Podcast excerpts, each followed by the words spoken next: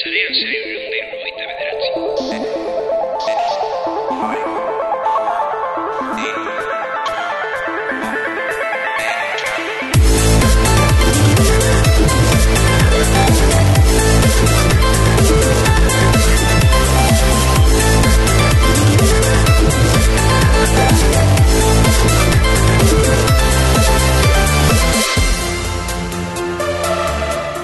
Orain amaitu den asteburu hau nahiko bizia izan da bai teknologia arloan, bai gure programarako.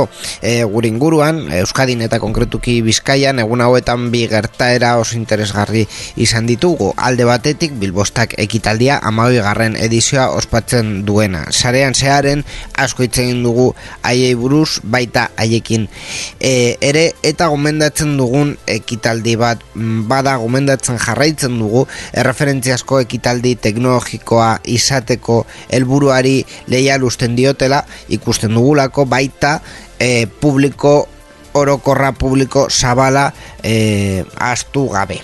Bestalde, asteburu honetan ere Global Game Jam ospatu da eta bere egoitzetako bat e, Telefonika Fundazioak urduli zen duen berrogeita bi zentroa izan da.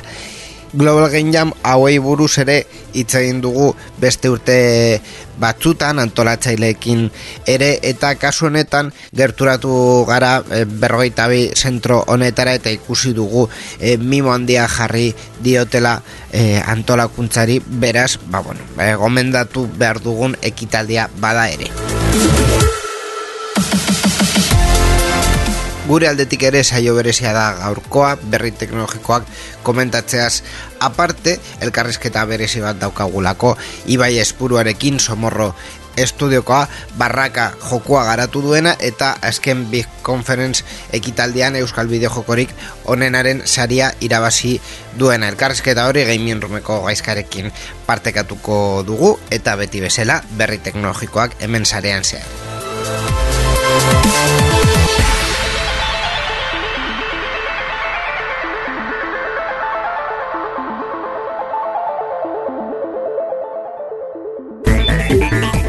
Irratsaio hau Creative Commons aitortu ez komertziala partekatu berdin lau puntu zero nazioarteko lizentziarekin banatzen da. Horrek esan nahi du gure idukiak nahi beste partekatu ditzazkezula. Informazio gehiago nahi baduzu josarean zehar.eus webgunera.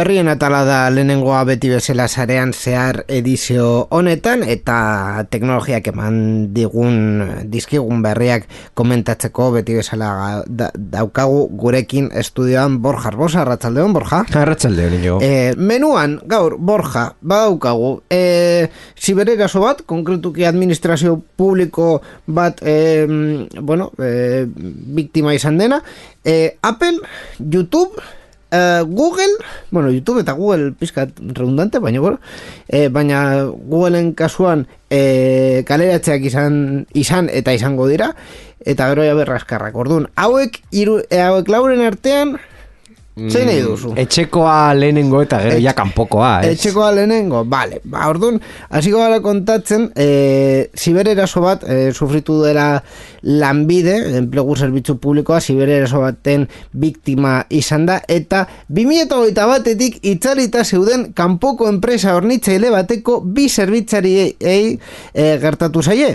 Nola, ez dakigu konkretuki, ez dute berrean aipatzen, baino nola bait, norbait, mm, konektatu da zerbitzari hoietara, itzalita zeuden, baina, bueno, hori beste gaur bat. Eta, e, mila, eta, barkatu, e, eta berrogei, mila, e, era, e, erabiltzaileen identifikazio datuekin egin e, dira konkretuki e, gertakari hau joan den arazoan gertatu zen eta ez zuen eraginik izan lanbideren sistema propioan e, baina inkestetan partu hartu duten pertsonen e, eta e, bueno, bitarteko e, barkatu eta lan eskaintzetan partu hartu duten pertsonen ere datuak e, hartu dituzte. Konkretuki 2000 eta mazazpitik 2000 eta batera arte. Zein datu izena bizenak nan zenbakia eta e, telefona mm, Arazo handi bat. Bai, prinsipioz Arazo handi bat e, Lanbidek azpimarratu du, por cierto Sibereraso hori gaur egun ez dela e, ezin dela gertatu 2008 batetik lanbideren enpresa hornitzaileak zuzenean konektatzen direla koderakundearen sistemetara eta ez dutela e, datuak mm, hortik e, ateratzen printzipioz, ordu, ba bueno ja, e, neurria ja hartuta zegoen, baina orain e, jakin dugu e, datu entre comillas saharoiekin e, ba bueno, e, oso bat gertatu dela Ez, ez dakit be, entzuleak bai, konturatu diren ala ez, baina inigo esan du arazoan gertatu zela eta egiaz esan da azaroan. baina bueno, hori da ingeles ez txiste bat egiten duena zu e, jatetxe bat juten zarenean eta e, oio bat e, eskatzerakoan eskatzen duzu zukaldea. Claro. Zeren ingeles ez eh, kitchen eta chicken, da, gutxi gora bera, oza, bera. A ver, Borja... Arazo bat da, arazo bat da, e, egunero, da. Egunero itxasko esaten ditut eta oien batzuk ez dira zuzenak. Ez que ni ja, zuk arazoan gertatu zela esan duzunean, bai. ja, ja, ezin dut jarraitu, ja, geratu nahiz... Ah, bai, pasaren eh, azaroan, azaroan. gertatu da.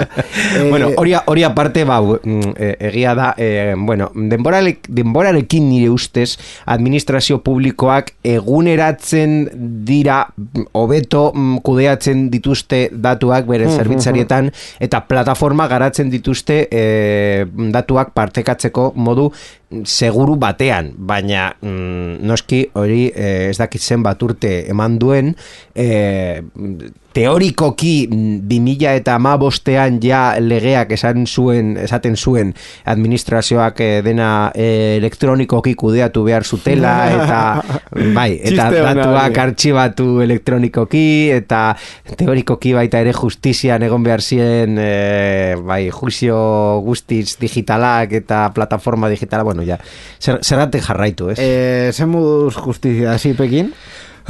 Ja, ja ez dena existitzen, esan, esaten duzu. Horregatik, bai, justizia, eh, garatu zuten eta gero hil zuten Google bezala egiten duena bere tresnekin, eta ja, ba, erabiltzen dugu beste plataforma desberdin bat, eh, Avantius, Avantius, PSP. Bai. Eh, a ber, egia esan da, egia esan da, de justizia zip horren txistea alde batera utxita, eh, egia esan da, mm, gero eta neurre gaiago jartzen ari dira, eh, administrazio publikoetan digitalizazio erronka hori bai. aurrera emateko. Berandu doazte, baina doazte. Hori da, hori da kontua. Orduan, e, ba bueno, egia da, 2000 eta emeretzean, adibidez, edo 2000 eta hogeian, e, gauzak modu batean konkretuk egiten ziren, gaur egun beste modu batean egiten dira, eta e, arlo askotan hobetu direla, eta, e, bueno, en fin, e, enpresa publikoetan, da, informatika enpresa publikoetan, e, egien kasu honetan dela lanbideri e, zerbitzuak ematen diona, e, jende oso askarra eta eta bueno, e, badakiena zer egiten ari duen badago. Pero claro, aldaketak sustatu behar dira, mantendu behar dira, e, mm, dirua eman behar zai ere, haien lan egiteko, orduan, bueno, kontu nahiko geldoa mm, bada e, administrazio guztietan, administrazio publiko guztietan, gure arlokoan, eta beste guztietan ere.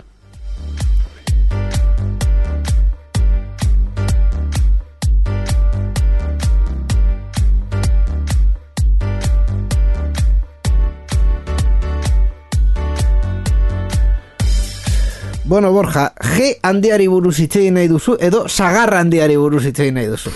ezin dugu mix bat egin... Mix match egin dezakegu. Bai. Ba, bueno, baina bia puntua bat izan behar da. Sagarra, bueno, sagarra handia izango litzateke Nueva York. Eh, kasu honetan, Bai. claro, eh, sagarraren enpresa. Bai. Normalean esaten zaio sagarraren enpresa eta besteari esaten zaio G handia. Vale, bueno, ba, sagar, sagarra manzana hasiko gara... Ikatze garbon. Ondo.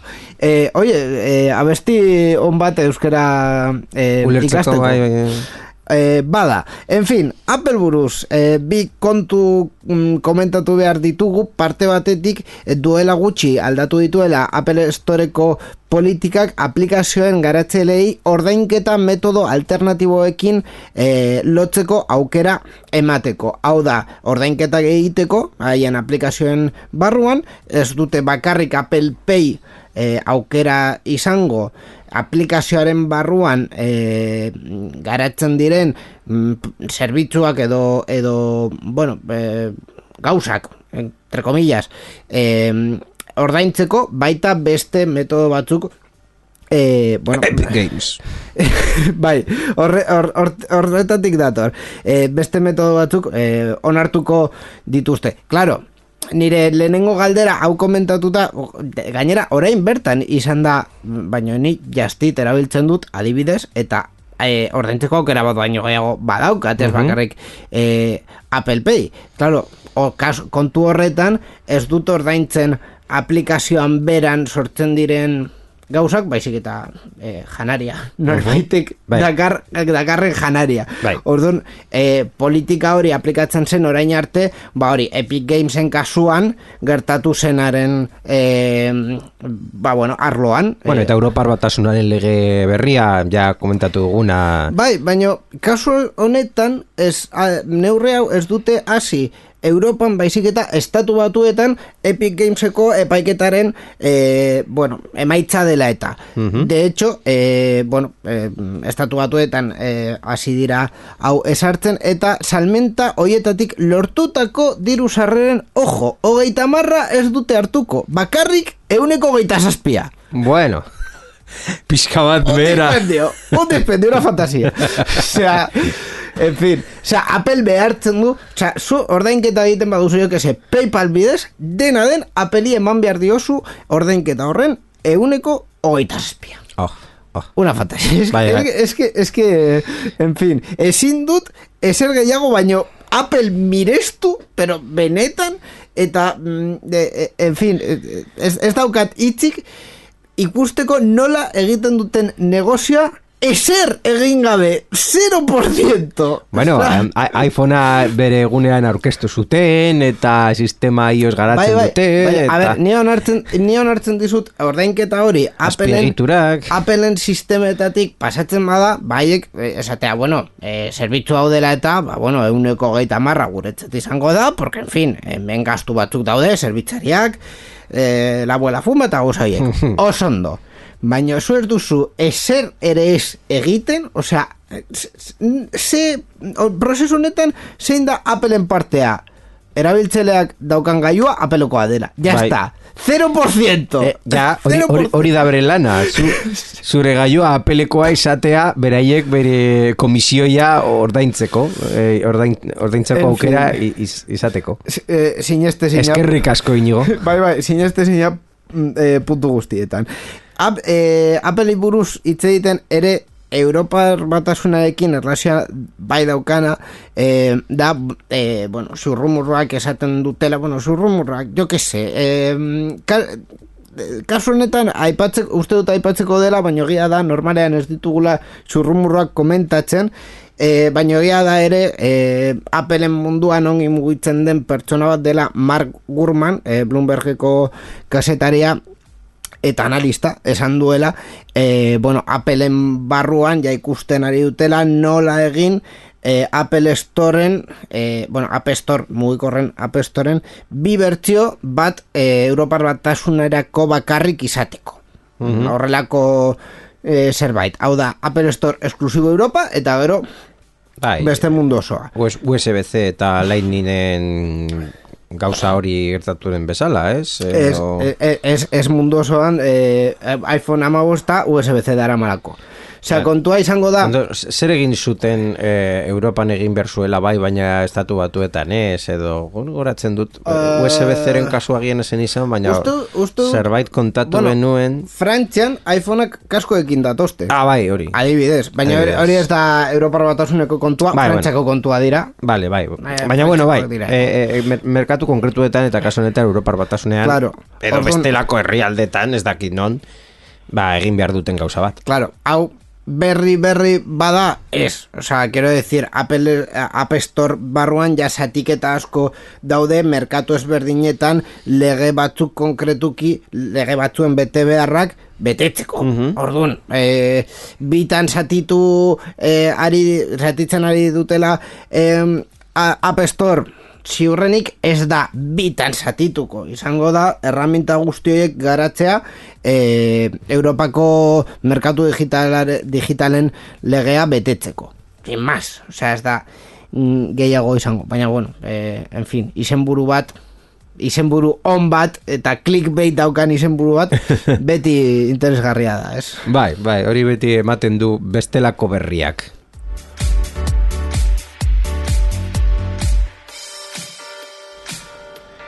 En fin, G handiaren, e, bueno, e, beste berria komentatuz, e, egia esan da, G handiaren etorkizuna, edo konkretuki bere langileen etorkizuna, nahiko beltz dator e, bere zuzendariak ja esan duelako mm, agarren zero matxos. Basikoki, bueno, 2000, ez genuen komentatu pasaren programan, baino 2008 laugarren urtearen hasierak ja kare, kareratze olde berri bat e, Dakar Googleen, mila langile baino gehiagori eragiten diena, batez ere Fitbit Nest Googleen e, laguntzailean eta e, Pixel bezalako funtsesko divisioetan, e, The Verge e, argitaratu du informazio hau, e, langile murrizketa horiek beste enpresa teknologiko batzuen e, antzerako neurriak e, dira, ba bueno, e, sektore guztian ezagutzen ari den bezala bikini operazio Bueno. honetan.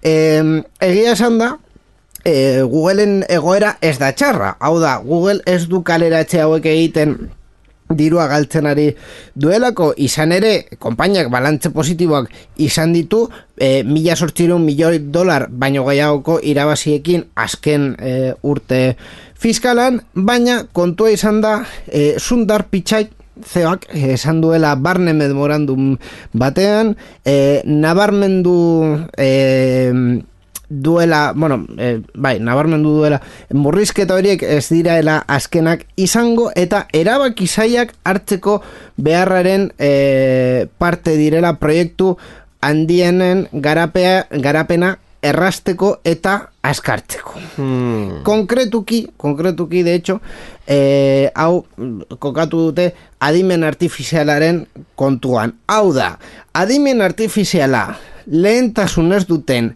ekipoetan murrizketak egongo dira. Aha. Murrizketak kaleratzeak eta behar den guztia. Googleen elbide, e, e, e, elburua, barkatu, momentu honetan, y exclusivamente izango da adimen artifiziala.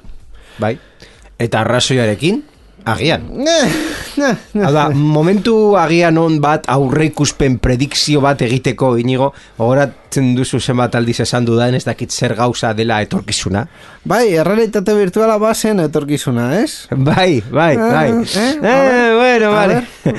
Alpegi hori ikusi nahi dut Ja- bidea. Jarraitu gurekin agian eh, uda eh, etorri baino lehen egingo dugula eh, bideo bat eh, gaizkarekin frogatzen eh, eh, realitate virtualarekin bideo joko bat, edo bi.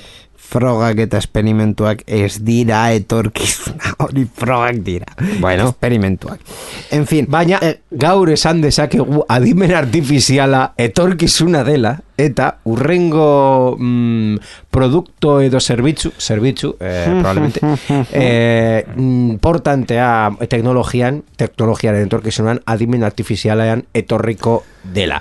Eta hori konpainia guztiak badakite, zeren ez da bakarrik Google eh, hartutako eh, maniobra arriskatu bat, hau da, eh, Googleek egin du, Appleek egin du, Metak egin du, Amazonek baita ere eh, hor- hortan doazte, hau da, adimen artifiziala adimen naturalaekin ja gudari dekla, gud- de- guda deklaratu dio eta ez basaude adimen artifizialarekin zatu zoaz zure e, etxera zoaz ka, kanpora kaleratzen dizute eta adimen artifizialarekin bat basoaz e, agian urte batzutan En fin, hor... Baina hor- momentuz ez. Hor, hor gauza oso interesgarria esan duzu. A ver, eh, horren kontra ni ez nago, o sea, parece que sí, baino, baino ez. Horren kontra nago, egia da, eh, urrengo zerbitzu irautzelea adimen artifiziala izango duela, eta egia da, adimen artifiziala produktu eta zerbitzu guztietan gutxika gutxika sartuko dela. Baina, nire abizua Googleko entzat, urrengo hau izango litzateke. Kontuz, zure enpresaren zerbitzu eta produktu estrategico, estrategikoak eta dirua ematen dutenak alde batera usten badituzu. Adimen artifiziala garatzeko, agian dirurik gabe geratuko zara. bai, agian YouTube.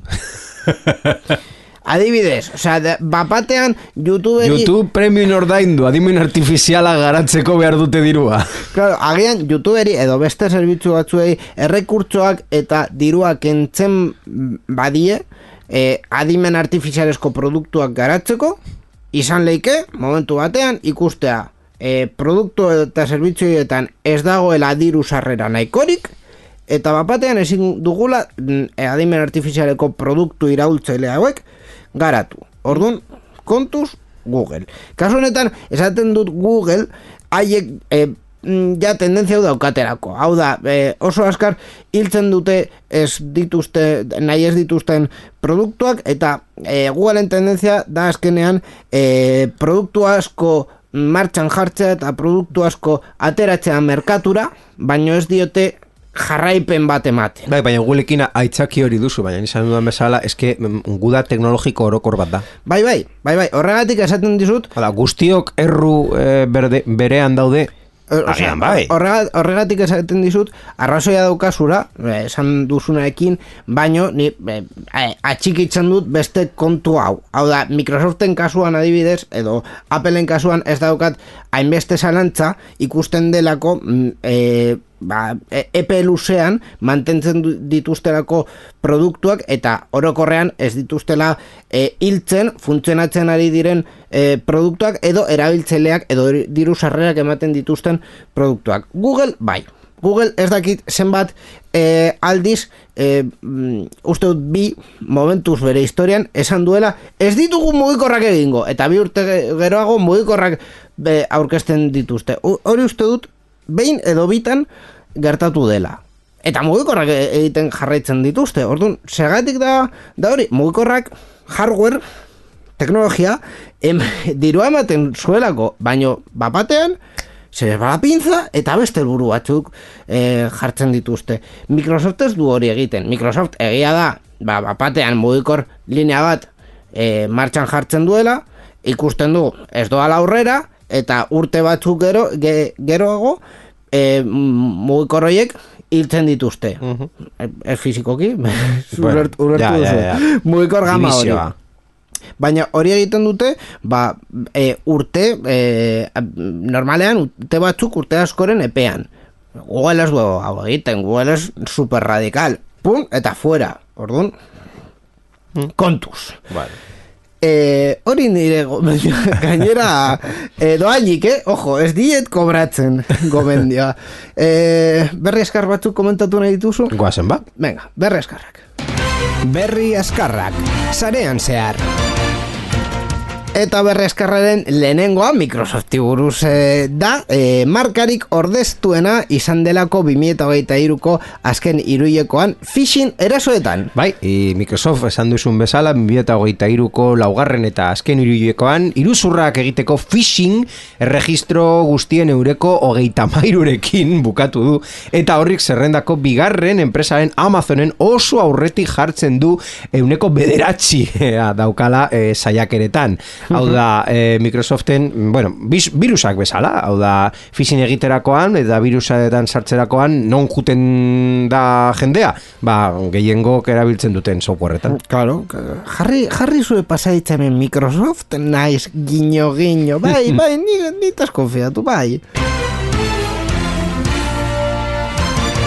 Espainiako Errege Akademiak, hau da, RAEK liburutegi digital izugarria kaleratu du lau mila sortzireun liburuekin. Bai, liburu on baten bila, basabiltza, ba, dakizunez, Espainiako Errege Akademiak erraz jartzen dizu. Erakundeak mundu osora zabaldu berri ditu bere liburutegi digitalaren ateak. Eta horrek praktikan 2000 berreunda berrogeita mar liburukitan balatutako lau mila sortzireun lan digitalizatu, baino gehiagoko dokumentu funt zabala eskuratzeko aukera ematen du. Horiek konsultatzeko, zure webuneko dagokion atalean sartu eta arakatzen hasi besterik ez duzu egin behar. Aurrera pengiz akademiak aurreratu Espainiar letren klasikoen lan paregabeak daudela eskuragarrera nora Cervantes, Lope de Vega, Rosalía de Castro edo Rubén Darío. Kultura klik batean. Aurrekoa esen txistea, baina bueno, le, lelo bezala ondo geratu zait. Bai, bai. Eta azkenik, eh, Espainiako zerga agentziak tiket bai bezalako sistema bat sortuko du. Bai, e, Europar batasunak bultzatutako erkidegoko erreglamendu baten esparruan, naita esko e, QR kodea duten faktura elektronikoak implementatu nahi dira transakzio guztietan. Zerga agentziari enpresen benetakotasuna eta zerga betearazpena modu eraginkorrean egiaztatzeko aukera emanez. Hau da, zu jakinarazteko ematen dizuten faktura edo tiketa, tiket legala da eta ez duela tiket fake eta zure ibarekin geratuko e, dinenan. e, berifaktu deitu diote honi eta bueno, martxan jarri da e, espero diogu ba tiket bai eta batuz bezalako arrakasta izatea printzipioz gipuzkoan baino gehiagoko arrakasta badute horrekin naik, bueno, ya exitazo, eh, exitazo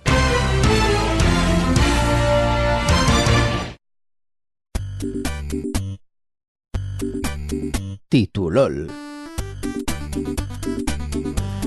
Borja, denbora gutxi daukazu titulorarentzako, osea que rapidito, venga, tita.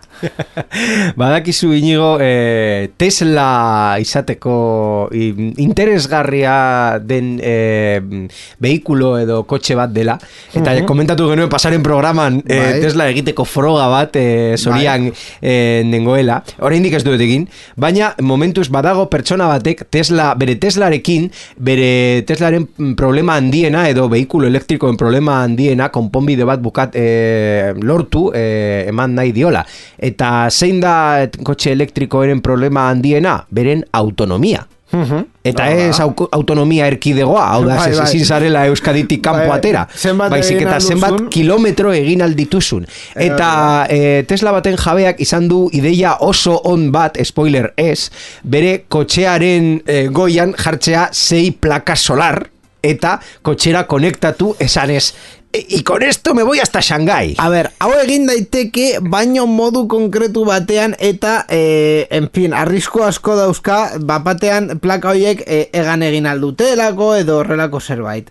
Bai, hor daukazu Dios. irudia, hau da, sei plaka solar hasi a cañón, jarrita kotxearen gai... Eh, pa, pasaidazu titulon honen esteka pantailan jarri nahi dudako es que es un engendro. Bai, eh, eh, en fin, imagina dezakezue Seat Panda edo horrelako zerbait da kotxe nahiko, bueno, normala eh, tiranda txikia goian eh, metalesko estruktura bat daukana eta sei plaka solar Jar, jarri dizut esteka tituloraren gainean gidoian, Ba- uste ba- baina- Lehenengo puntuan ez nuen ondo jarri, baina o- o- orain bai. Ba, baina eske gainera da etxeko eh, Bai, plaka bai, eh. bezalakoa, osea, ez, ez dira ez, ez imagina hemen dauela ba, hori ba, beste kasu batzutan mm, nahiko espezializatuta izan daitezken eh, kotxen txako plakak Ez, eta ez, hori ja frogatu dute. Kontxo, te, eh, Tesla bat bada? Ez, ez, Bai, bai, ez- Tesla bat, eta plakak- Tesla, Tesla, basera. E, da gainera, ez, ez, da metalesko, e, ikusten nahi dute e, estruktura hori ez dela metaleskoa, egurrezkoa dela. Bai, Besede, besedes eta favores. A ber, hau egin daiteke, ondo egin nahi baduzu. Ondo egin daiteke. duten badago, badaude markak, Toyota eta baita ere Mercedes saiatu dira Bai. eh, plaka solarekin jokatzen, baina badakizu zen da problema ez dutela hainbeste produzitzen. Hau da, Claro. zenbat gehiago autonomia egin alduzu? Ba, hogeita mar kilometro. Eh, oso gutxi. Oso Tontakeri bat da. Orduan, eh, kontua da, ez duela, ez duela merezi. En fin, eh, be, zurekin borja, e, zer gehiago, eskerrik asko berri interesgarri hauek e, nirekin komentatzegatik. Bai, eskerrik asko zuri ere inigo eta entzulo guztiei urrengo programar arte. Eta orain Ibai Espuruarekin hitz egingo dugu eta Gaizka Karmonarekin ere e, aurkezteko e, ba bueno, e, Euskadiko joku oberen izan den e, jokua barraka e, orain daukagu hemen sarean zearen.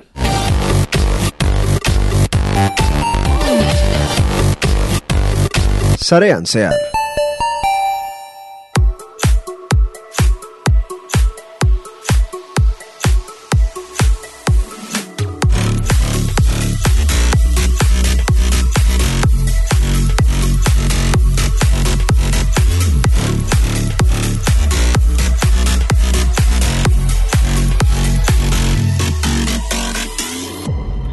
Sintonia honekin zarete programas konfunditu, zarean zaren jarraitzen dugu, baina kasu honetan gaming roomeko e, atala irekitzen, edo gaming roomen eskutik datorren atala irekitzen hobeto esan da, e, bideojokoi buruz hitz egiteko, eta beti bezala e, gaizka karmonekin pizkat e, hitz egiteko, ba bueno, e, bideojokoen munduan gertatzen direnei buruz arratzaldeon gaizka? Arratzaldeon inigo. Gaur zeri buruz hitz egingo dugu, ze, ze daukazu prest, Ba, zeu, zeu edakizu orokorrean neu katal pixka tarraroak ekartzen de doa sala. Pues, izan genuen grafiken atala, izan genuen baita be Playstationen aurkezpenen mobien atala, baina zeu edakizu gaming roomen baita be gustatzen e, jakula nahiko elkarrizketak eitzea. Bai. Orduan, elkarrizketa nahiko eitzen ditugu. Baina, e, kasu honetan, zarean zeharera naiz eta elkarrizketak ekartzea asko gustatzen jatan oso zaila izaten da orokorrean, ba, ez dauzelako e, developer gehiagi euskeraz dakitenak. Horrela. Baina, aurkitu egin du! Orduen, biz konferentzian e, izan dakoak, bueno, biz, konferen, biz konferentzian barkatu, egon dakoak izan gara, ba, mm, pasan urteko abenduan izan zen, Hori da. Eta eh, han ezagutu dugu Ibai Aizpurua. Dala solo dev eh, bere jokoan. Barraka joko oso berezia dana gainera eh, porque 2022ko Durangoko asokako sorkuntza beka irabazi, irabazi eban. Orduen, neu kontatu beharrean, bai bai berak kontatuko dizue, eta kontatuko digu gehiago jokoaren inguruan. Arrasti honi bai. Kaixo Arratsaldeon, mil eskerrik zuen gonbidapenagatikan. E, zorionak zeure bekagatik, hori da lehenengo, lehenengo atala.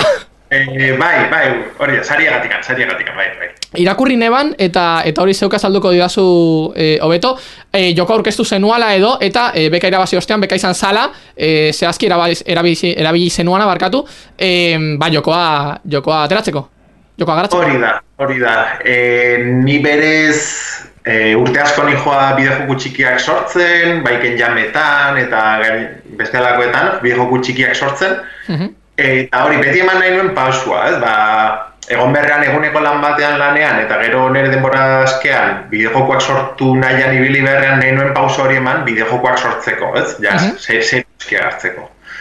Eta hortarako la, asko lagundu zidan Durangoko azokako sorkuntza bekak, ematen duela Durangoko udalak eta geriedi elkartaren artean ematen dutena. Mhm.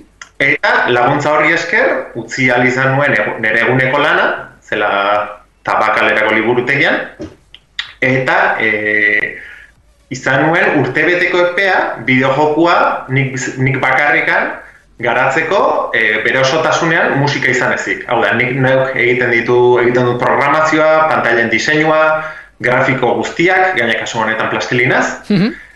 Eta gero egia esan, nahiz eta berez jokua argitaratu nuen edo, egon naiz beste ia urte bete edo, jokua gehiago lantzen, pulitzen eta bar. Mhm. Eta gero ere, ba, e, erabaki nuen, zatik, egia esan jokua naiz eta prestizan enun beste inon aurkeztu, erabaki nuen big konferentzera aurkeztera, e, Euskal, Euskal bideojoku berenen artean, Mhm. Finalista bezala, eh, onartu minduten, finalista izan da, eskaini zidaten jarri alizatea stand bat doainika, Aha. eta beste gastu batzuk eta doainika, eta gero, bueno, enuen espero, baina eh, egunean bertan, lehenengo egunean, bi konferentzeko lehenengo egunean, eh, bukaerako orduan, eman zituzten sariak, eta saritua izan nintzen Euskal Bideojoko beren bezala. E, hasieran e, komentatu dugun bezala eta zeu komentatu duzun bezala itxion begirada askar bat e, botaz ikusten da oso, ask, e, oso askar iku, e, atera dituzula nahiko joko eta orokorrean ba hori e, gehienak nahiko, dinot, nahiko itxura hona daukate, e, hori, solo dev bat izateko modukoak, porque solo dev izatea, zaila da. Oso zaila Bai, da. zaila, gero, orokorren solo dev naiz, gero itxion badaude gare batean lagunekin egindako jokuak, Mhm. eh, beste batekin jamatean hori nire lagunak batekin kolaborazioan egindako jokure bat, Mhm. baina eguneko laro gehiago edo dira hori da, bakarrik egindako Mhm. jokuak dira. Eta karo, ulertzen dut, e, zeuk joko horiek egiten egiten zenituela, ba, zeure denbora librean, edo dana dalakoa, porque beste lana zenuen. Hori da, bai denbora librean eta azkeneko bi urteetan egiten ditut e, game jametan. Mhm, game jamak ez dakienarentzak dira bideo joku sorkuntza maratoiak dira, mhm, non uzten den denbora margen bat, e, normalean bi egun, batzuk badaude astebetekoak, eta da, denboraren hasieran ematen da gehi bat, eta garatzaileak garatu behar dute joku edo prototipo bat denbora horretan. Mhm. Eta izaten da, ba, hori kriston paliza izaten da, lanpila bat izaten da, baina pena merezi du nere ustez, zetik bukaeran hori prototipo batekin bukatzen duzu. mhm. Eta nahiko divertigarria dalako baita be, e, e, ikusten dozu industriako jendea, ezagutzen dozu baita be, eta Hori da, nahiko, da. nahiko laguntza batez dozu. ere dago puntu sozial hori, nun batez ere parte hartzen baldin baduzu egoitza dagon tokian, ezagutu dezakezula jende gehiago, eta hori, ikusita ere Euskal Herri mailan badagoela adibidez, sortzaile gehiago, eta bar, da. Barrakatera baino lehen atera dituzun edo dituzuen tituluak, ze motatakoak izan dira?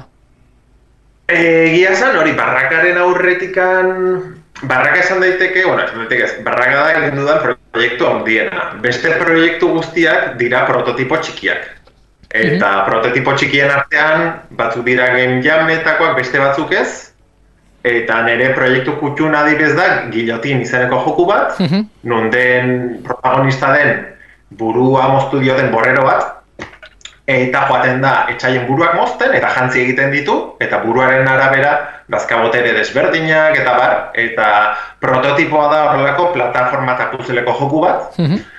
Eta, bueno, egia esan, beti izan da nire helburu nagusia joko hori garatzea, eta orain hortan nabil, orain hortan hasi naiz, pixkat serioski hartzen proiektu hori, jabarrakaren ondoren. Mhm. Eta ez badago kontu asko aldatzen, berez nire proiektua urrengoa ba, gilotin hau izango da. Mhm. Gero, eh, landu ditut prototipo desberdinak, bat arroxa izenekoa, nun den beste stop motion moduko joku bat, nun protagonistak diren felparekin egindako izakitxo batzuk, eskulanetako materialekin, eta bideojokoa gertatzen da nere gelako mailaren gainean. Eta da, akziozko joku bat, nun eh, gameplayaren muina edo da, bizitza eta munizioa gauza bera dela. Mhm. Eta asko baldin badakazu, personaia handia da, begi askorekin, moten mugitzen da. E, gero ere gustatzen zait, or- orokorren plataforma eta puzleak asko gustatzen zaizkit. Egin nuen beste jam batean bakarrikan kartulinazko grafikoekin eta paperarekin ere e, kastel izeneko joku bat, non protagonistak diren castellers batzuk, eta helburua da kide edo pa- casteller guztiak osatzea dorre bat, e, bandera katalana dagoen. Mhm. Eta ez dakit, gero azkenetariko azken urtean egin nuen joku bat oso ondo pasa nuena, izenekoa, gaina munduko game jam handienarentzako, izenekoa IES, IES jarri nion izena, eta da, e, preso bat gartzelatik IES egin nahi du, eta zuk tower defense moduan saiatu bertzara geldiarazten. Baina adibidez, tower defenseetan normalen izaten dira etxai asko eta oleada asko, nolabait, eta hemen dago bakarrikan preso bakarra, eta joaten da sendatzen, eta bar, eta jarri berrizko zu, ba, hori, zepoak, e, dorreak, eta badu puzzle elementu bat, zeratik pantalla bakoitzan dazkazu errekurtso mugatuak, eta araberli behar dituzu forma eta momentu egokian pantalla pasalizateko, ez? Presoa galdi da. Eta azken azken prototipoa egin nuena, izan zen en, 2008an lehenengo aldiz izan nintzen antolatzailea Game Erauntxia eta Euskal Herriko Unibertsitatearekin batera, lehenengo Euskal Game Jam egin genuen. Zatik, bueno, hori, urteak ba, e, ne- naramatzan Game Jametan parte hartzen, baina inoiz ez zego- ez gen, ez zegoen ez euskerazko Game Jamika. Eta, bueno, erabaki genuen azkenean e, lehenengo euskerazko jam bat egitea, nun kondizio bakarra den, e, jokuak, jokua behintzat euskeraz egon behar da, bes- beste zein hizkuntzetan baina euskeraz, eta partaide, taldeko partaideren batek euskeraz komunikatu ahal izatea eskatzen genuen. Eta bueno, antolatzaile izateaz gain, e, egin nuen jokutxo bat, izenekoa nazka, eta bertan kontrolatzen duzu da pixelarteko joku bat, nun protagonista den buru bat, buru nazkagarri bat, mukiak, mukiak banatzen di joana, eta bar. Eta da holako plataforma metroidvania txiki bat, nun potereak lortzen ditun, eta bide desberdinak zabaltzen doazen, eta bar. Eta hori, egia esan joku, bueno, joku, prototipo txiki guzti hauek eta barraka daude eskuragarri denak doainikanak. Bakar, barraka izan ezik, denak daude eskuragarri Zomor Studioren itxio webgunean. Eta barraka detzo baita bedagoala e, Play Storean, usteet. Hori da, dago Google Play Storean, bai. Eta Leister Steamen. Ateratzen ari zait, kontu hori ere, baina Leister Steamen egongo da. Atarako dezu azkenean barraka estimen. Bai. Justo hori hori izan nekon beste galdera, beste plataformarik badeko zun buruan. Ari dutaten Steamen, berez denda egin dakat eta hori, baina bueno, gauza beti luzatu iten dira, ba, azkenen bakarrikan egon da beti la- lan asko da zer. Eta nahi dutaten Steamen eta iPhoneen dendatzako nola izan du. E, E, App Storean. App Ah, Storean, atera nahi du. Barrakaren inguruan, ea kontatu albadiguzu zein dan jokoaren historia, nor dan gure protagonista? Barrakako protagonista da neskatxa bat izeneko ainoa, nun bere amak e, barraketan egiten duen txurro postuetan, eta suposatzen da berez herritik herrira zoaztela, eta Eta, bueno, hauetako batean esaten dizu barrake montatzen ari diren batean, esaten dizu zure ama kontu zibiltzeko, en, sorgin ba, osea, kontu zibiltzeko barraketan barraketan ibiltzeko zatik hori, bandika montatzen ari dira eta bar. Sartzen zara jokuan e, beldurrezko etxean eta kutxa batetik ateratzen duzu nahi gabe sorgin bat. Eta sorgin honek ba, sorgintzen du sorgintzen ditu barraka. Ikusten zuten bezala ni naiz idazlea eta da aitzakia bat, da aitzakia bat basikoki, ba, barraketan ibiltzeko mini joku eta pantailan desberdinetan. Hau, ikusten dudana, e, da, bueno, egia esan jokuari egin dizkio trailer ugari, hau da uste dut egin nuen lehenengo trailerra, eta azkeneko trailerra, da adibidez, en, YouTubeko, Zomorro Esturian YouTubeko webgunean dago, eta bueno, nire sare sozialetan ere, eta bueno, normalen biru hilabetetik behin montaje berriren bat egiten du, trailerrarekin, nahi bazute ikusi. Eta hori, historia hori da, basikoki da, en, joku, hori da, joku, osea, historia da, argumento oso simplea da, zatik nahi nu berez joku bat izatea famili guztiarentzako, eta hori, naiz eta badagon, hitz egiteko aukera eta bar, ez da bereziki joku bat, hori, e, historia pixutxua edo ga- garrantzia handia denikan historia egia esan. E, intentzioa dekozu e, alandere unibertso bereko edo unibertso berean e, nola baita itxarren joko gehiago ateratzeko? Hau da, barrakaren unibertso honetan edo ainoarekin beste jokoren bat ateratzeko? Egia esan, en, ez dakit, jo, bueno, batzuk, batzukin hitz egin nuen, adibidez, bingen, erakutsi nuen bai barraka eta batzu ere erakusten nion ere gilotineko trailerra adibidez. Eta jende asko konturatu zen, en, nahiz eta bat pixelar den eta bestea ez, ba, gilotinen agertzen den sorgina adibidez dela barrakako sorgina berdina. Eta barrakaren hasieran sorgina eskatzen duzunean, esaten du ba, hori, burugabe batek duela bostun urte harrapatu zuela kutsa horretan eta bar. Osa, badekote interkonexioak orduan.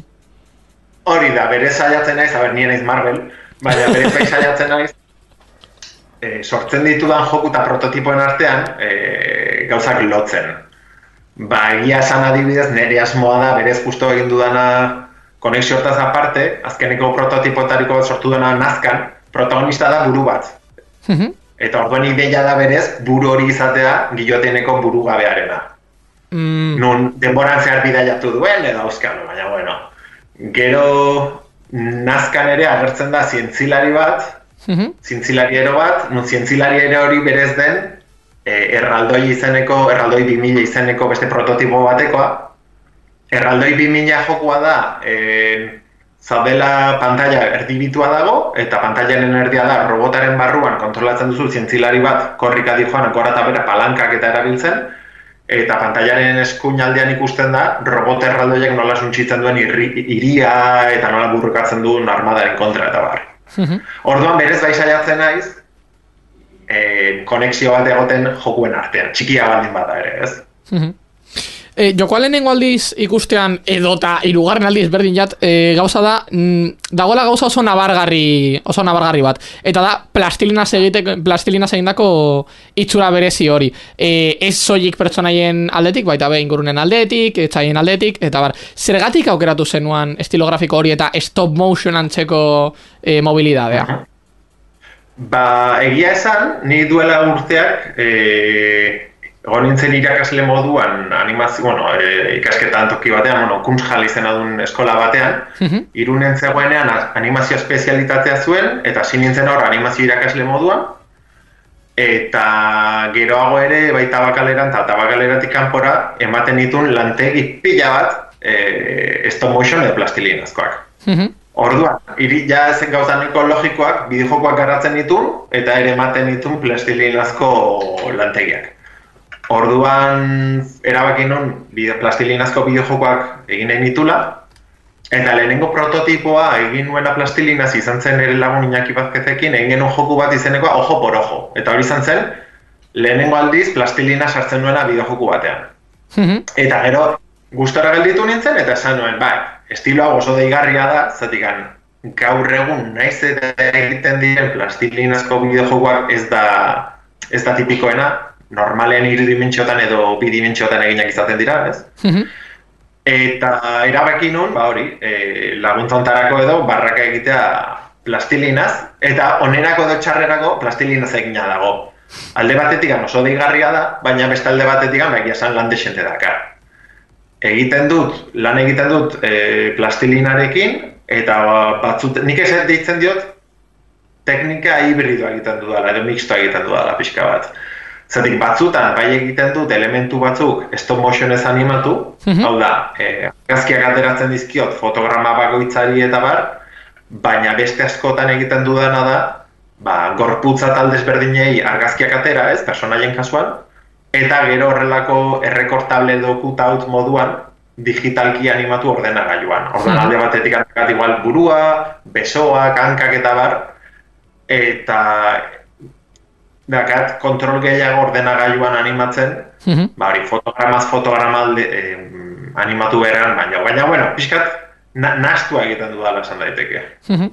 E, stop motion bitartez hori fizikoan egindako e, argazkien argazkiak egiten dituzunean, zenbat fotogrametan egiten dezu segundoko?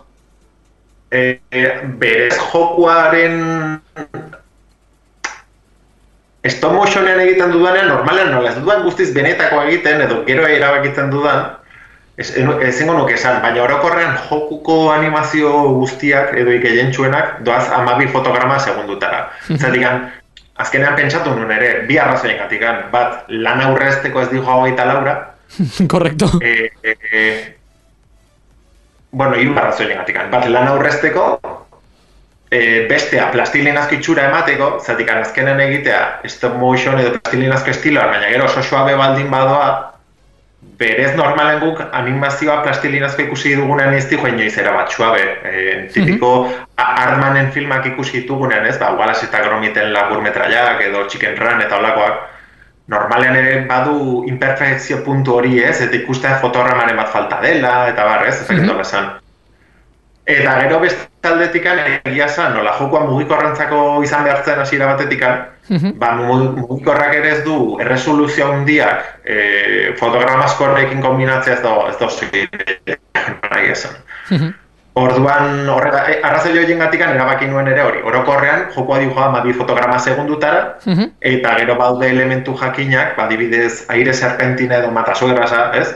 Hori bai badijoa hogeita lau fotograma segundutara uste dut, edo alguien geisha uste dut hogeita laura dijoa. Ba, zertikan, hobeto gelditzen zen, hobeto gelditzen zen, eta beste elementuren bat ere agian badijoa, pixkat azkarrago. Mhm. Orduan kombinazioa hor kurioso geratzen de. Zenbateko iraupena dau jokoak? Galdea, ona, em... Depende, suposatzen dut, baina. Usatua dakadan, eta kolekzionagarri batzuk gehiago ere sartu dizkiodan, eta... A ber, mm, esan daiteke bi eta lau orduren artean. Mhm. Nik uste nahiko azkar joan da bi ordu, eta kolekzionagarri guztiekin eta bar, lau ordu, gehiago, nola hori, zatiak gehitzen ni joan eta bar, beti enabil, enabil kontatzen zenbat irauten duen, baina hori, bi eta lau orduren artean. Zeuk esan da e, jokoa ba, familia osoarentzako dala, suposatzen dut zailtasun maila nahiko basua izango dala. Mm, bai, baina egia da, pantailaren batzutan, osea, jokoa oso sinplazten da, eta komplikatzen di joa pixkatxo bat. Baina bai, berez, nik, nik ustot zailtasuna eskuragarria dela. Ba, orduen, suposatzen dut hori izango dela e, umea jokatzen ari den momentuan e, aita deitzeko momentua, porque pantalla hau ezin dut pasa, orduen aita etorri mesedez, eta lagundu honekaz. Momentu batean bai, baina orokorrean saiatu naiz hori, famili guztientzako izaten, eta eskuragarria izatea. Zailtasuna. E, esan diguzu, hori, e, barraka jada aterata, zaudela e, guillotinen lan egiten, barriz, e, hori garatzeko. E, claro, porque barraka behiratuta, itzion e, aben, 2022ko e, abenduaren bederatzean atera zan, eta azken loga 2023ko otzaidekoa da. Orduen, e, karo, guillotinen garatzen ari zarela esan diguzu lehen, baina intentzioa dekozu horren ostean beste joku berri bete itxeko? Barrakatak guillotineren ondoren? Bai, hori da, ideia dekozu jada Bai, pentsauta bai, edo? ideiak- uste dut ideiak den hor dazkagula buruan eten gabe. Badazkat prototipo, osea, sortu dituen prototipo eta prototipoak gustatuko litzaidaken baten bat gehiago jarraitzea. Mhm. Edo adibidez, plastilinarekin nahiko gustera ibili naiz, eta orduan adibidez, ba, gustatuko litzaidake eh, nazka prototipoa adibidez hori plastilinan ikustea, ondo legoke. Mhm. Eh, gu- i- a- ari naiz horrela egiten zen, bueno, berez da buru bat bueltak adi joana, eta pues, adibidez nik uste dut hori nahi ondo gelditu daitekela plastilinan, zatik gainera da, en, erreferentzia asko daude, laro eta laro eta margarren amarkadako jostailuei, eta bar, Mhm. orduan hori plastilina nik uste gustatuko litzaidake. Eta bueno, beti dazkat ideia desente, normalen beti bururatzen zaizkian ideia guztiak apuntatzen nijoa, Eta gero tarte bat dudanean, edo jam bat dakadanean, saiatzen naiz ideia horiek ba, frogatzen. Hmm. Beti batzutan sortzen diren ideia guztiak ez dira egokiak, batzutan egin prototipoa sortu, ikustuzu, pues, ez dijo ala inora. Baina bai, beti dazkat ideiak buruan, edo zer den, zer den agian egin daiteken gauza divertigarriena, ez? Edo, bai, beti, beti dazkat buruan ideia ugari azkenean, edo zen den nire joku generokoena, ez? Neri denetik gustatzen zait. Orduan berez neri gustatuko litzaidak ere genero desberdinak ikutzea, ez? Nik Itzi- uste dela de, denen antxa, ez? Azkenean. itzion gainetik pasauta esan aldotzut, e, oza, ideia eta kreatibitatea dekozula argi geratzen dala, oso argi geratzen da. Esker, esker. Emango dizugu oin zeure urrezko minutua e, barraka publikoari saltzeko, zeuretzat. Ba, gomendatzen dizuet e, barraka erosi eta jolastea, zatik da plastilinazko abentura oso beresi bat, bertan topatuko dituzute pertsonai oso bixiak, e, bai autotxokeak, e, guakamolea, arkade pantalla bat egazkinean oso, oso arronagona ere, eta hori nik uste dut, oza, maitasun askorekin egin dut, eta nik uste dut irrifar bat ateako zaizuela jolasten, Gainera nire adina ingurua baldin badakazute ere daude referentzia ugari laroita margarren amarkadako elementu desberdinei. Bai kaleko elementuak, bai jostailuak, bai goxokiei eta bar. Eta hori, ba, animatu barrakan ibiltzera, merke dago bai mugikorrean, bai ordenagailuan. Eta da aventura beresi bat, eta neko celebrea, eta animatzen daituzte jolastera, hizkuntza desberdinetan dakazute. E, ordenagailuan azkeneko bertsioan dago, berrituena dago, baina mugikorrean ere ester berrituko. Eta horrela, xe, mila esker, ez, ezati hau eskaintz publizitate momentu hau eskaintzagatik. Ba, mila esker zuri Ibai joku hau orkesteagatik, barraka eskuragarri dagoen dagoena esan duzun bezala, itxon eta barkatu eta Google Play plataforman e, ere eskerrik asko zaren zaren egoteagatik eta aurrengo arte. Mila esker, mila esker, hurrengo arte. Eta gaizka zuri ere, ba, eskerrik asko elkarrizketa hau ekartzeagatik eta baita zu ere e, jarraitzen duzu hor e, gaming roomen, gomendatzen duguna ere. Hombre, beti, beti jarretzen dugu gaming roomen, hor, eh, hainbat jokorekin gainera. Osa, que pasau alzari entzutera. Venga, no eskerrik- tiene desperdicio. eskerrik asko eta aurrengo arte. Zeuri. Entzun berri duzunari buruz hitz egin nahi? Zure iritzia jakin nahi dugu, idatzi ezaguzu Twitterren gure erabiltzailea, sarean zehar da. Gure Twitcheko emanaldietan ere parte hartu eta zure iritzia eman dezakezu programa egiten dugun bitartean. twitch.tv barra sarean zehar. Gainera, zure ekitaldiaren edo ideiaren berri eman nahi baduzu, posta elektronikora idatz diesagukezu info abildua sarean zehar.eus. Sarean zehar, zure mezuen zain.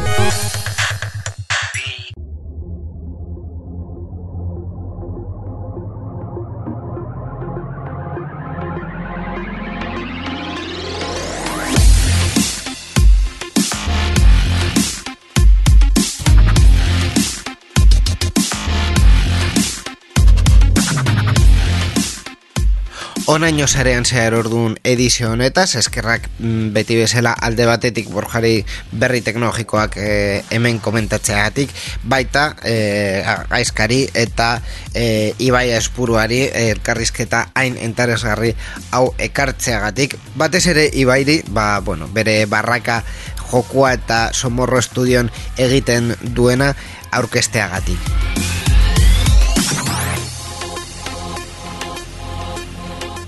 Eta eskerrak beti bezala ere, Mikel Carmonari ekoizpen eta teknika lanetan egon dena, baita irratietan dauden e, ekoizpen eta teknika taldeak e, programa honen emisioa posible egiteagatik. Gure partetik beti bezala urrengo saioa ama bostegunetan bi astetan izango da eta bitartean e, bueno, es, normalean esaten dut zare sozialetan gaudela eh, badakizue, batez ere gure webunean, sarean zehar eh, puntu eusen, baina baita sare sozialetan eh, begirada bat botatzen dugu noiz behinka. Bitartean, ba, ondo izan, eh, ondo ibili eta eh, teknologiaz gozatu mm, gurekin, edo nahi duzuen moduan. Eskerrik asko eta horrengor arte, aio!